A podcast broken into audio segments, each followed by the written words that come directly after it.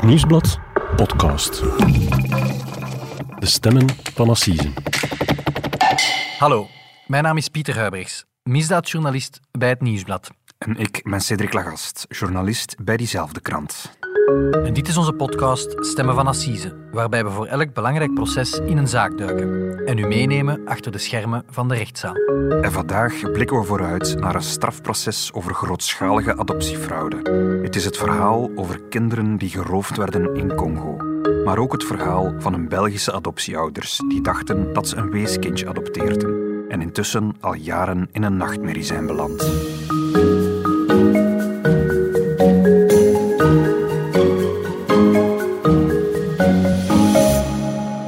Pieter, blij jou hier terug te zien. Dag Cedric, insgelijks. En ehm, we gaan het vandaag dus hebben over adoptiefraude. En vooral over een artikel dat jij vorige week hebt geschreven. Klopt. Ehm, de getuigenis eigenlijk van een Belgische vrouw, een, een, een, een moeder, die eh, een aantal jaar geleden een kindje heeft geadopteerd. Zij dacht toen dat zij een weeskindje uit Congo had geadopteerd. Maar dat blijkt nu niet zo te zijn. Die jongen blijkt ontvoerd te zijn. Meer nog, is geroofd voor de ogen van zijn tweelingbroer. Ja, dat is een hele boterham, Cedric. Dat is, het is een ongelooflijk triestig eh, verhaal. Ehm, ik weet er al een hele tijd van, en, maar de mama heeft heel lang niet willen praten. En ze heeft dat nu vorige week eh, wel gedaan, omdat er een strafproces zit aan te komen. Ja. Ehm, en, en om dat verhaal, dat ongelooflijk triest verhaal te begrijpen, moet ik u meenemen naar 22 juni 2013. Dat is toch al lang geleden. ja, we zijn in Kinshasa, de hoofdstad van Congo. En die tweelingbroertjes die zijn aan het spelen op straat in een buitenwijk. Allemaal goed, die mama is, is een paar honderd meter verder eh, aan, aan het werk. En hoe oud zijn ze dan, die kindjes? Eh, die zijn op dat moment eh, drie jaar. Oh. Later zal er met die leeftijden gesjoemeld worden, maar in het echt zijn ze drie jaar. En voor de ogen van die tweelingbroer wordt die kleine R, ik noem zijn naam hier bewust niet, wordt die ontvoerd, van straat gerukt en belandt in een weeshuis. Terwijl dat eigenlijk geen wees is. Hij is totaal geen wees. En later zal blijken dat die wees, tussen aanhalingstekens, ontvoerd wordt en naar ons land wordt overgevlogen.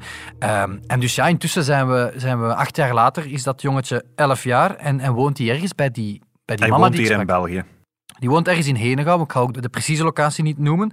Maar ja, dat is een onwaarschijnlijke situatie en je moet denken... Ja, er zit daar in, in Congo, in Kinshasa, zit daar een moeder met een van die tweelingbroertjes. Mhm. En die zit nog altijd zonder nieuws over het lot van haar ontvoerde zoon. Ja.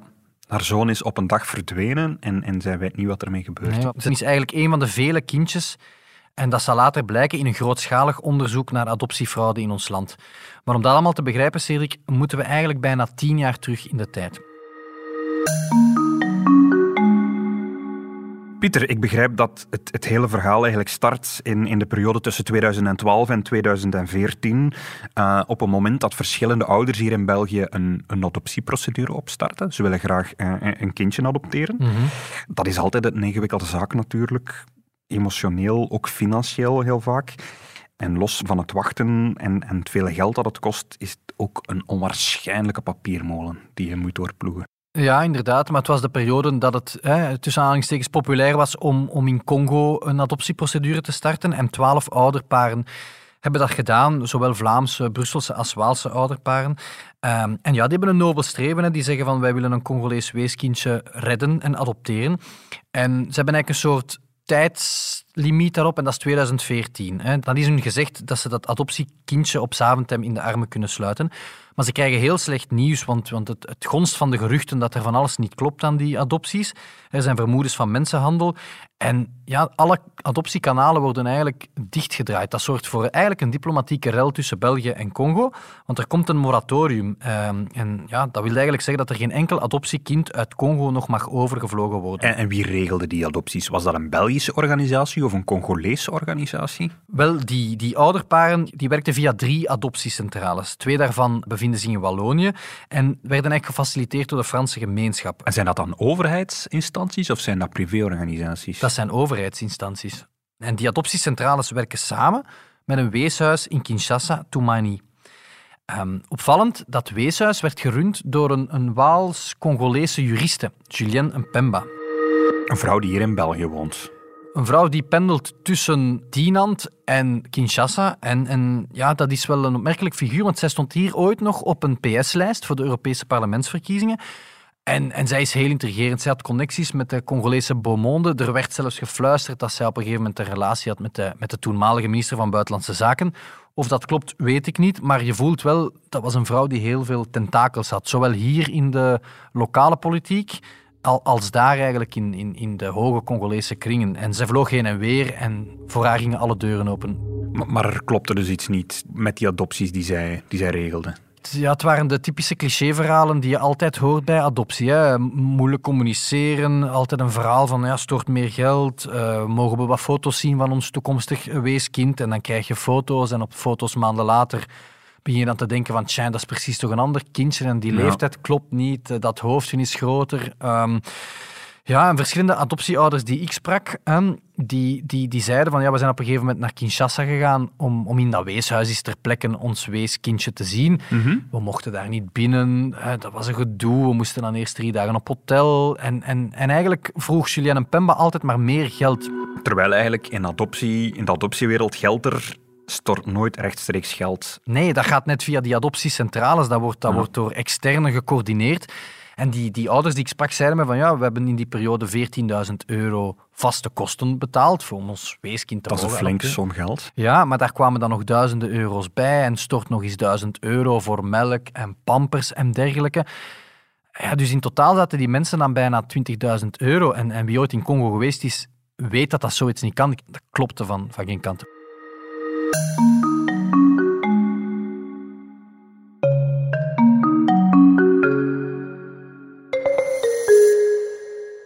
Maar bon, in 2015 ehm, komen die kindjes dan toch naar België. Ja, in 2015 is er ogenschijnlijk uh, goed nieuws. Die kindjes uh, komen aan op Zaventem. Die Belgische ouderparen zijn natuurlijk dolgelukkig.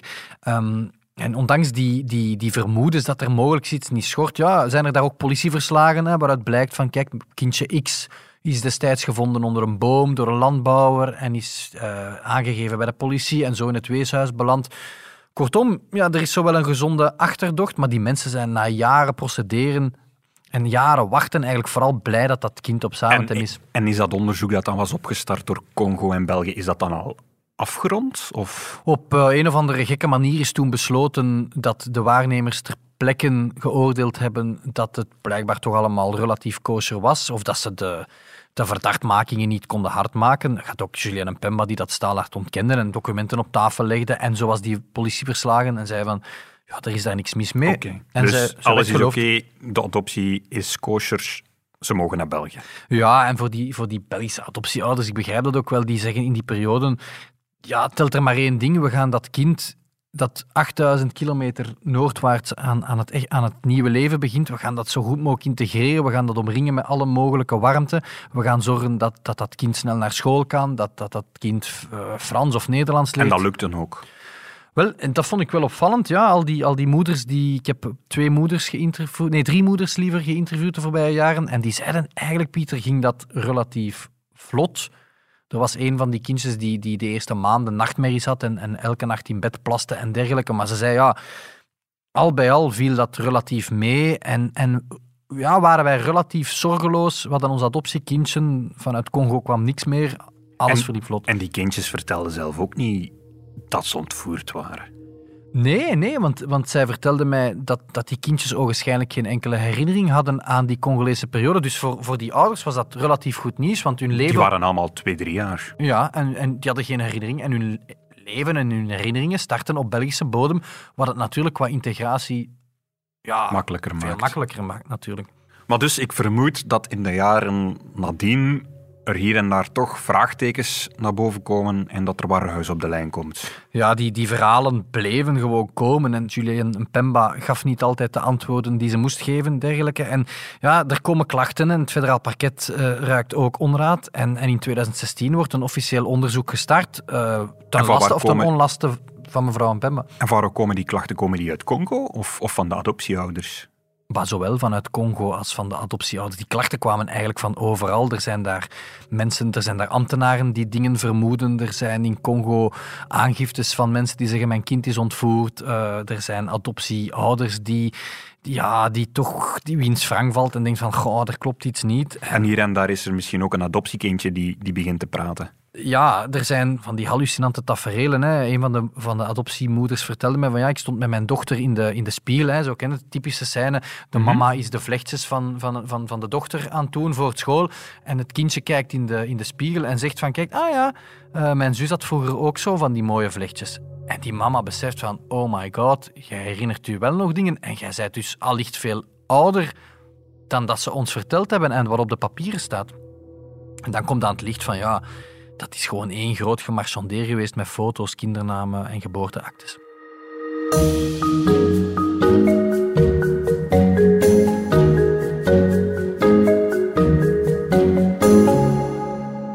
sasa samira ti lelo epesaka kaka mawa mpo soki nazwi foto kutu banoko na bandeko mosusu babaki nasimbaka foto wana te Pieter, we horen hier de emotionele getuigenis van een man. Ik vermoed dat dat een man uit Congo is. Wie is deze man? Wel, zijn naam is Abduola Manjengo. Dat is een kleermaker in Djemena, een stad in de Broes in het noorden van Congo, op eh, ja, een kleine 900 kilometer ten noorden van Kinshasa. En hij is de papa van Samira. En dat is zijn ontvoerde dochter die hier in België opgroeit momenteel. En wij zijn eigenlijk vorig jaar als nieuwsblad zijnde naar Djemena getrokken. En het is onze collega, een freelancer, Karel Teunis, die voor ons eh, die biologische ouders is gaan eh, interviewen. En wat vertelt hij eigenlijk? Wel, ik zal hier even vertalen wat hij, wat hij letterlijk zegt. Haar afwezigheid maakt mij nog altijd triest als ik naar haar foto kijk. Mijn oom en mijn familie hebben het mij verboden omdat ik nog steeds pijn heb als ik Samira's foto zie. Ik vraag me dan steeds af of mijn dochter nog in leven is of niet. Ik weet van niets. Haar afwezigheid bezorgt me heel veel verdriet. Daarom bied ik altijd tot God. In het filmpje eh, zie je dan echt dat de tranen van, van, van die arme man zijn wangen rollen. Hè. Ja, je hoort dat ook in zijn stem, dat, dat, hij, allee, dat hij heel erg is aangegrepen ook door, door de hele situatie. Je zou voor minder natuurlijk. Maar als ik het goed begrijp, is dat dus ook een vader wiens dochter ontvoerd is en, en die ontdekt heeft dat zijn kind 8000 kilometer verderop in België leeft, zonder dat hij daar nog enig contact mee heeft. Ja, die zit in dezelfde situatie als die, die mama waar we daar straks over, over praten, hè, wiens tweelingzoon ontvoerd werd voor haar ogen. Hè. Ja. De zaak ontploft dan uiteindelijk helemaal in 2017, ook met dank aan, ehm, aan een Vlaamse journalist eigenlijk, die naar Congo trekt. Eh, dat is de onderzoeksjournalist Kurt Wertelaars. Hij, hij ontdekt daar eh, een aantal zaken en als gevolg daarvan ehm, volgt, er een, eh, volgt het federaal parket. Het federaal parket stuurt een rogatoire commissie naar Congo om, om de hele situatie ter in Congo te gaan uitzoeken. Ja, je moet je dat, je moet je dat inbeelden, zo'n rogatoire commissie. Hè, dat is dan de onderzoeksrechter eventueel, de magistraat van het federaal parket, enkele politiespeurders. Die komen sur place hè, en met, aan de hand van een tolk ja, kunnen zij die biologische eh, ouders verhoren. En heel belangrijk, want dat is natuurlijk wel eh, later bewijslast, ja, zij nemen een DNA-staal af. Van de ouders. Ja, van de ouders. En, De Congolese ouders die zeggen mijn kind is ontvoerd, blijken ook effectief de vader en moeder te zijn van de kindjes die in België Ja, rondlopen. dat is de eerste schokkende vaststelling. En ten tweede, zij zeggen van, ja, we hebben ons kind eigenlijk helemaal nooit afgestaan ter, ter, ter adoptie. Wij missen ons kind, wij zijn verscheurd over verdriet, wij, zijn, wij zitten zonder nieuws al jaren. En nu wordt het helemaal tragisch. Ja, zij, zij blijken hun, hun dochters en, en zonen meegegeven te hebben op een vakantiekamp naar de hoofdstad. Dus de meeste kindjes zijn niet gewoon op straat geroofd. Nee, nee dus de, de overgrote meerderheid van de kindjes zijn uit Djemena vertrokken richting Kinshasa. En dat was eigenlijk via een, ja, moet een soort jongerenorganisatie, Planet Junior. En dus die kindjes die kregen op een gegeven moment de kans om eens buiten Djemena te gaan. Hè, voor, dat was een soort, ja, zeg maar een luxe vakantiereisje eigenlijk. Twee weken naar de hoofdstad. Voor de ouders ontspanning, voor de kinderen twee weken En vakantie. ze zijn nooit meer teruggekeerd. Ze vertrekken op kamp en keren nooit meer terug. Ze zijn nooit meer teruggekeerd, nee.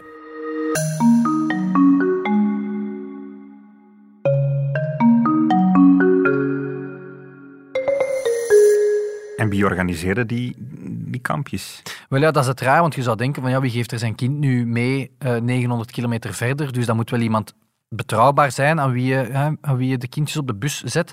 En dat was eigenlijk de neef, dat was Dieu Merci Kitambo. En dat was de neef van twee van die drie families uit Djemena.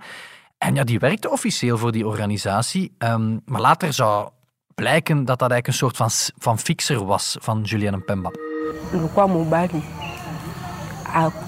contre ngai bandeko ba lokwa eza famille na ngai nde azwi mwana ke na ye ngai nandimiseli ye Pieter, er is nog een fragment die onze collega Karel gemaakt heeft in Congo. Wie horen we hier? We horen hier Mariam Ousmani, dat is de mama van de ontvoerde Zakiatu, ook een meisje, een marktkraamster. Ik zal even letterlijk opnieuw vertalen. Toen de kinderen niet terugkeerden, zei mijn man dat mijn familie ze had ontvoerd. Dat ik het allemaal had toegelaten. En hij beschuldigt mij nog steeds. Dus dat zorgde ook voor ruzies binnen de families? Ehm. Ja, dat heeft heel die families verscheurd, want, want ze dachten, ja, die, die neef die zit mee in het criminele complot. Dat leek ook zo. Die Dieu Merci Kitambo die was ineens ook verdwenen. Later zou blijken dat hij in de gevangenis zat. Wat was die zijn rol, Pieter? Is die echt uh, een ontvoerder? Is die een kidnapper? Deed hij het voor het geld of, of was dat erachter hem? Wel, uiteraard zou je, zou je als, als politiespeurder snel in die zijn richting gaan kijken en zeggen van ja, die Kitambo is hier het brein en, en is de ontvoerder. En die familie heeft dat ook zo lang gezien en gezegd van ja, dat is de baarlijke duivel, hè. die is hier al jaren niet meer in Chemena geweest. Later bleek dan dat hij in de gevangenis zat. En om eerlijk te zijn, zijn rol is ook altijd onduidelijk gebleven. Ik heb daar met, met, met Kurt Wertelaars hè, en, en ook met Karel lang over, over gepraat en ook met federaal parket. Hij heeft bijna twee jaar in de gevangenis gezeten. Mhm. Ik heb hem nadien ook meermaals gesproken. En de conclusie, mijn aanvoelen toch, en ook de conclusie van het federaal parket, is dat hij eigenlijk ja, gebruikt is door een Pemba zelf. Dus hij wist niet dat die kinderen ontvoerd gingen worden? Nee, hij heeft die gewoon ter goede trouw mee op vakantiekamp gestuurd. En ja, is dan eigenlijk ja, ten prooi gevallen aan de grillen van Julien en Pemba. En voor hij het goed en wel besefte, waren die kinderen op een vliegtuig gezet naar België. Zijn eigen neefjes en nichtjes eigenlijk. Inderdaad, ja. ja. Ehm, nu ja, onschuldig of schuldig uh, voor die achtergebleven ouders in Gemena is Dieu merci Kitambo. Uh, ja, die man moet zich niet te snel meer in Gemena laten zien. Hè. Nee.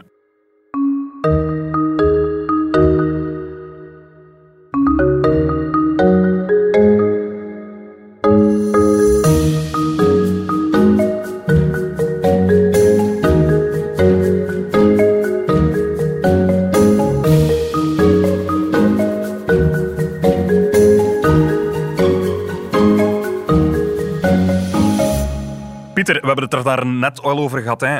Afgelopen zomer is er uh, een journalist voor het Nieuwsblad naar Congo geweest om met die Congolese ouders te gaan spreken. Uh, dat was Karel Teunis. Ja, dat is een fascinerend figuur. Goeie collega en een Brusselaar met, met zin voor avontuur. Moet weten, Cedric, ooit is die man bijvoorbeeld, uh, die heeft een motto gekocht ergens in Zuid-Afrika. Uh, die belde naar zijn moeder en hij zei, ik kom naar huis. En die reed met de motto van Zuid-Afrika tot in Brussel. Dus het was iemand op wie dat we goed beroep konden doen. Mhm. Een journalist die dan voor ons naar Gemina is gegaan. Die was daar toevallig voor een NGO aan het werk. Uh, en ja, die heeft die biologische ouders voor ons gezocht en gevonden. Maar vergis u niet, Cedric, dat, is natuurlijk, dat lijkt allemaal simpel totdat je in Kinshasa landt en die mensen in Gemina moet gaan zoeken. We luisteren even mee. Uh, ja, ik ben eigenlijk in 2019 naar uh, Congo getrokken, naar het noorden meer bepaald, Gemena, om op zoek te gaan naar de biologische ouders van een aantal adoptiekinderen die hier in België leven en die eigenlijk ontvoerd zijn geweest destijds. En dan ja, hier terecht zijn komen in een adoptiegezin bij ouders die het ook eigenlijk niet wisten. En ik ben op zoek gaan naar die biologische ouders. De, de gemakkelijkste manier is gewoon om, om, om rond te beginnen vragen. En de plaats waar dat het beste gaat, dat is soms bij uh, ja, nog een lokale missionaris die daar dan nog zit. Van pater eigenlijk, moet je dan eerder zeggen. Mhm. Mm -hmm. uh, in dit geval was het een Limburgse pater. Uh, die er al zat sinds van, van voor de onafhankelijkheid. Dus in 1956 was hij aangekomen in Congo.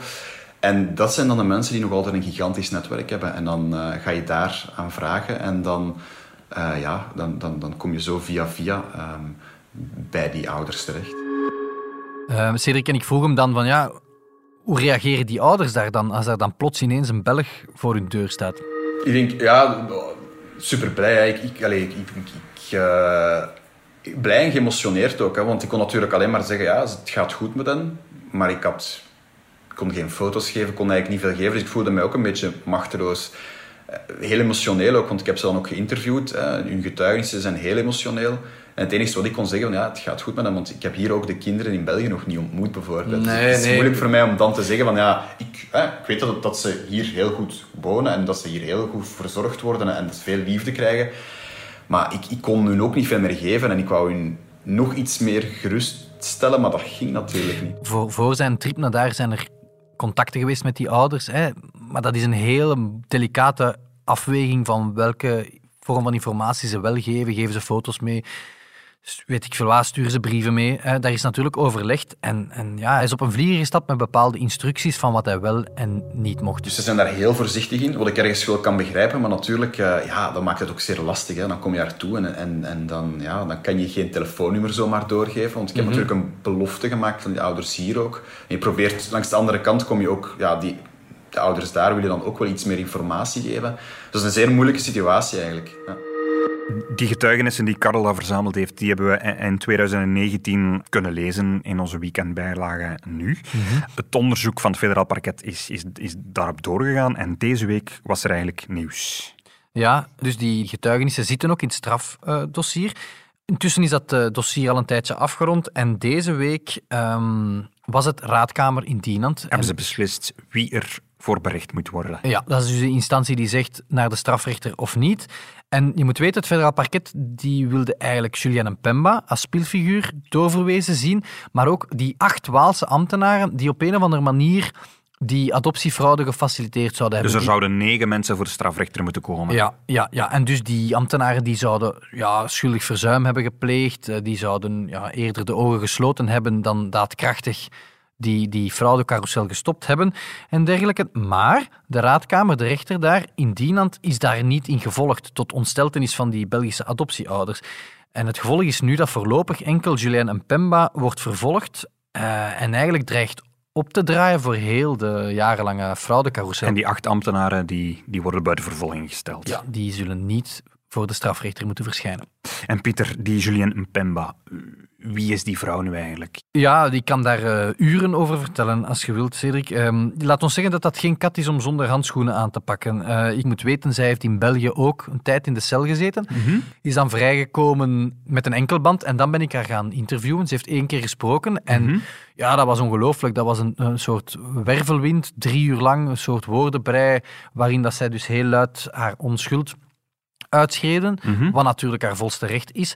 Uh, maar ze was heel boos na dat interview, want ja, ik had natuurlijk enkele van haar uitspraken, zo niet alle uitspraken van haar, geverifieerd of proberen te verifiëren. Mm -hmm. En dat was een lichtjes anders artikel geworden dan zij voor ogen had. En ze heeft me dan eigenlijk ja, de huid volgescholden.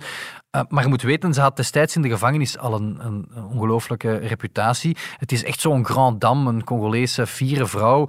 Uh, en ze kreeg eigenlijk in de gevangenis in Marchand-Famenne uh, af en toe een tuchtstraf. Waarom? Omdat ze haar bijouteries, haar juwelen, uh, weigerde uit te doen op cel. En uiteraard mag je geen juwelen dragen in de gevangenis, dat is logisch. Pieter, uh, later dit jaar volgt er dan nog een strafproces. Mm -hmm. Wat riskeert Julien Pemba dan? Ja, zij riskeert jarenlang achter tralies te belanden. Hè. Ze heeft natuurlijk al een hele tijd in voorhechtenis gezeten. Um, maar ja, zij, zij riskeert vervolgd te worden voor fraude. Ja, en wat verwachten de, de biologische ouders, de Congolese ouders nog van dit proces? Zijn ze ervan op de hoogte dat er een proces komt? Wel, nee, ze zijn niet op de hoogte dat er een proces komt. Die zijn in de totale onwetendheid. Hè. Ik heb dat aan Karel ook gevraagd. Eh, wat hij heeft die vraag natuurlijk ook gesteld aan die ouders. Hè, wat hun aanvoelen is, wat die mensen willen. Laat ons even luisteren naar wat hij daarover te zeggen heeft. Goh, ik denk op de eerste plek uh, moet je dat een beetje zien in de context ook. Hè. Zij zijn... Uh ja, uiteraard verdrietig dat hun kind hier in België woont, maar uh, het zijn mensen en, en, en dat is ik denk dat je soms kan vergeten als je hier in Europa woont, maar het zijn mensen die met, soms met minder moeten doen dan 1 euro per dag. Mm -hmm. uh, dus die, zij zien het ook als een beetje een, een, een, opportuniteit voor hun kind dan natuurlijk. En misschien voor de uitgebreidere familie.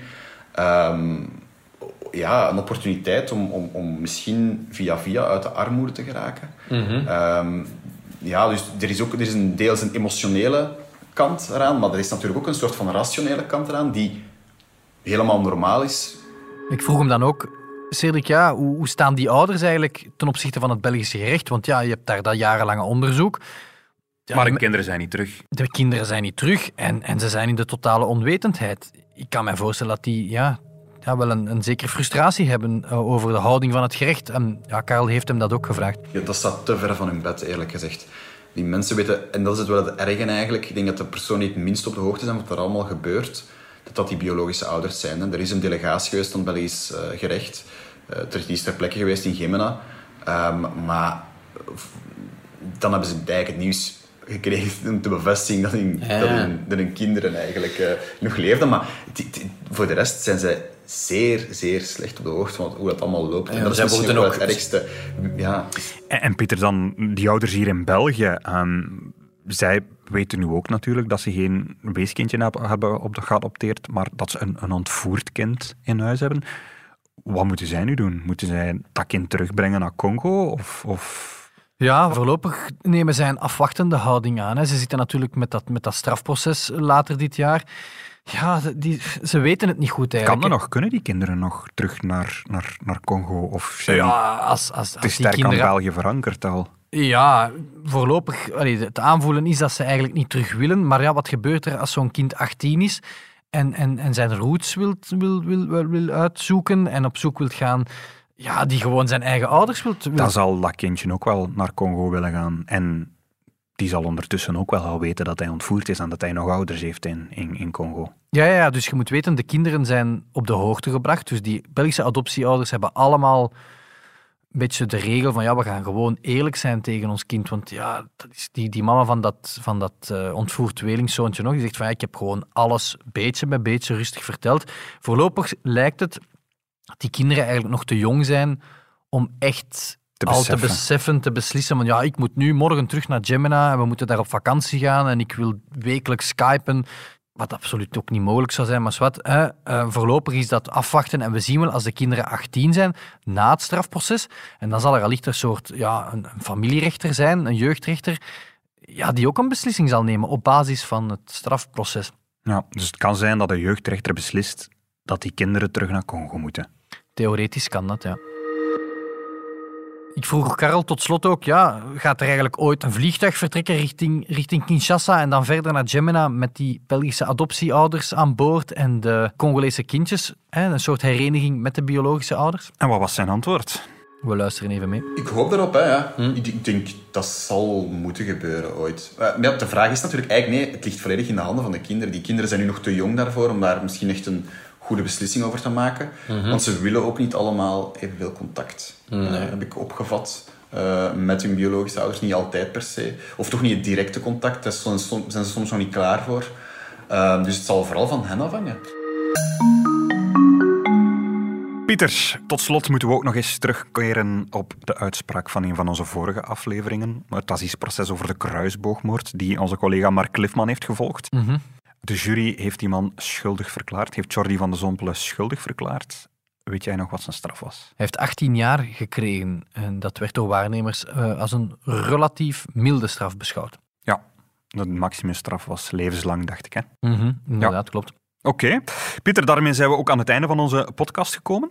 Bedankt voor je alweer deskundige uitleg. Graag gedaan, Cedric. En we zijn er eh, volgende week alweer opnieuw terug met een vooruitblik naar een ander assiseproces dat opnieuw in Brugge gevoerd wordt, namelijk tegen het duivelskoppel. Tweede keer al dat ze voor Assise staan. Voilà, dat is het proces tegen Jean-Claude Lacote en Hilde van Akker.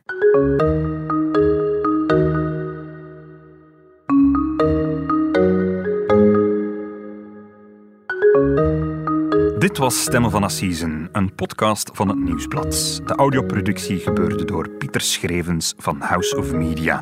De productie was in goede handen van Eva Michom en Bert Heijvaart.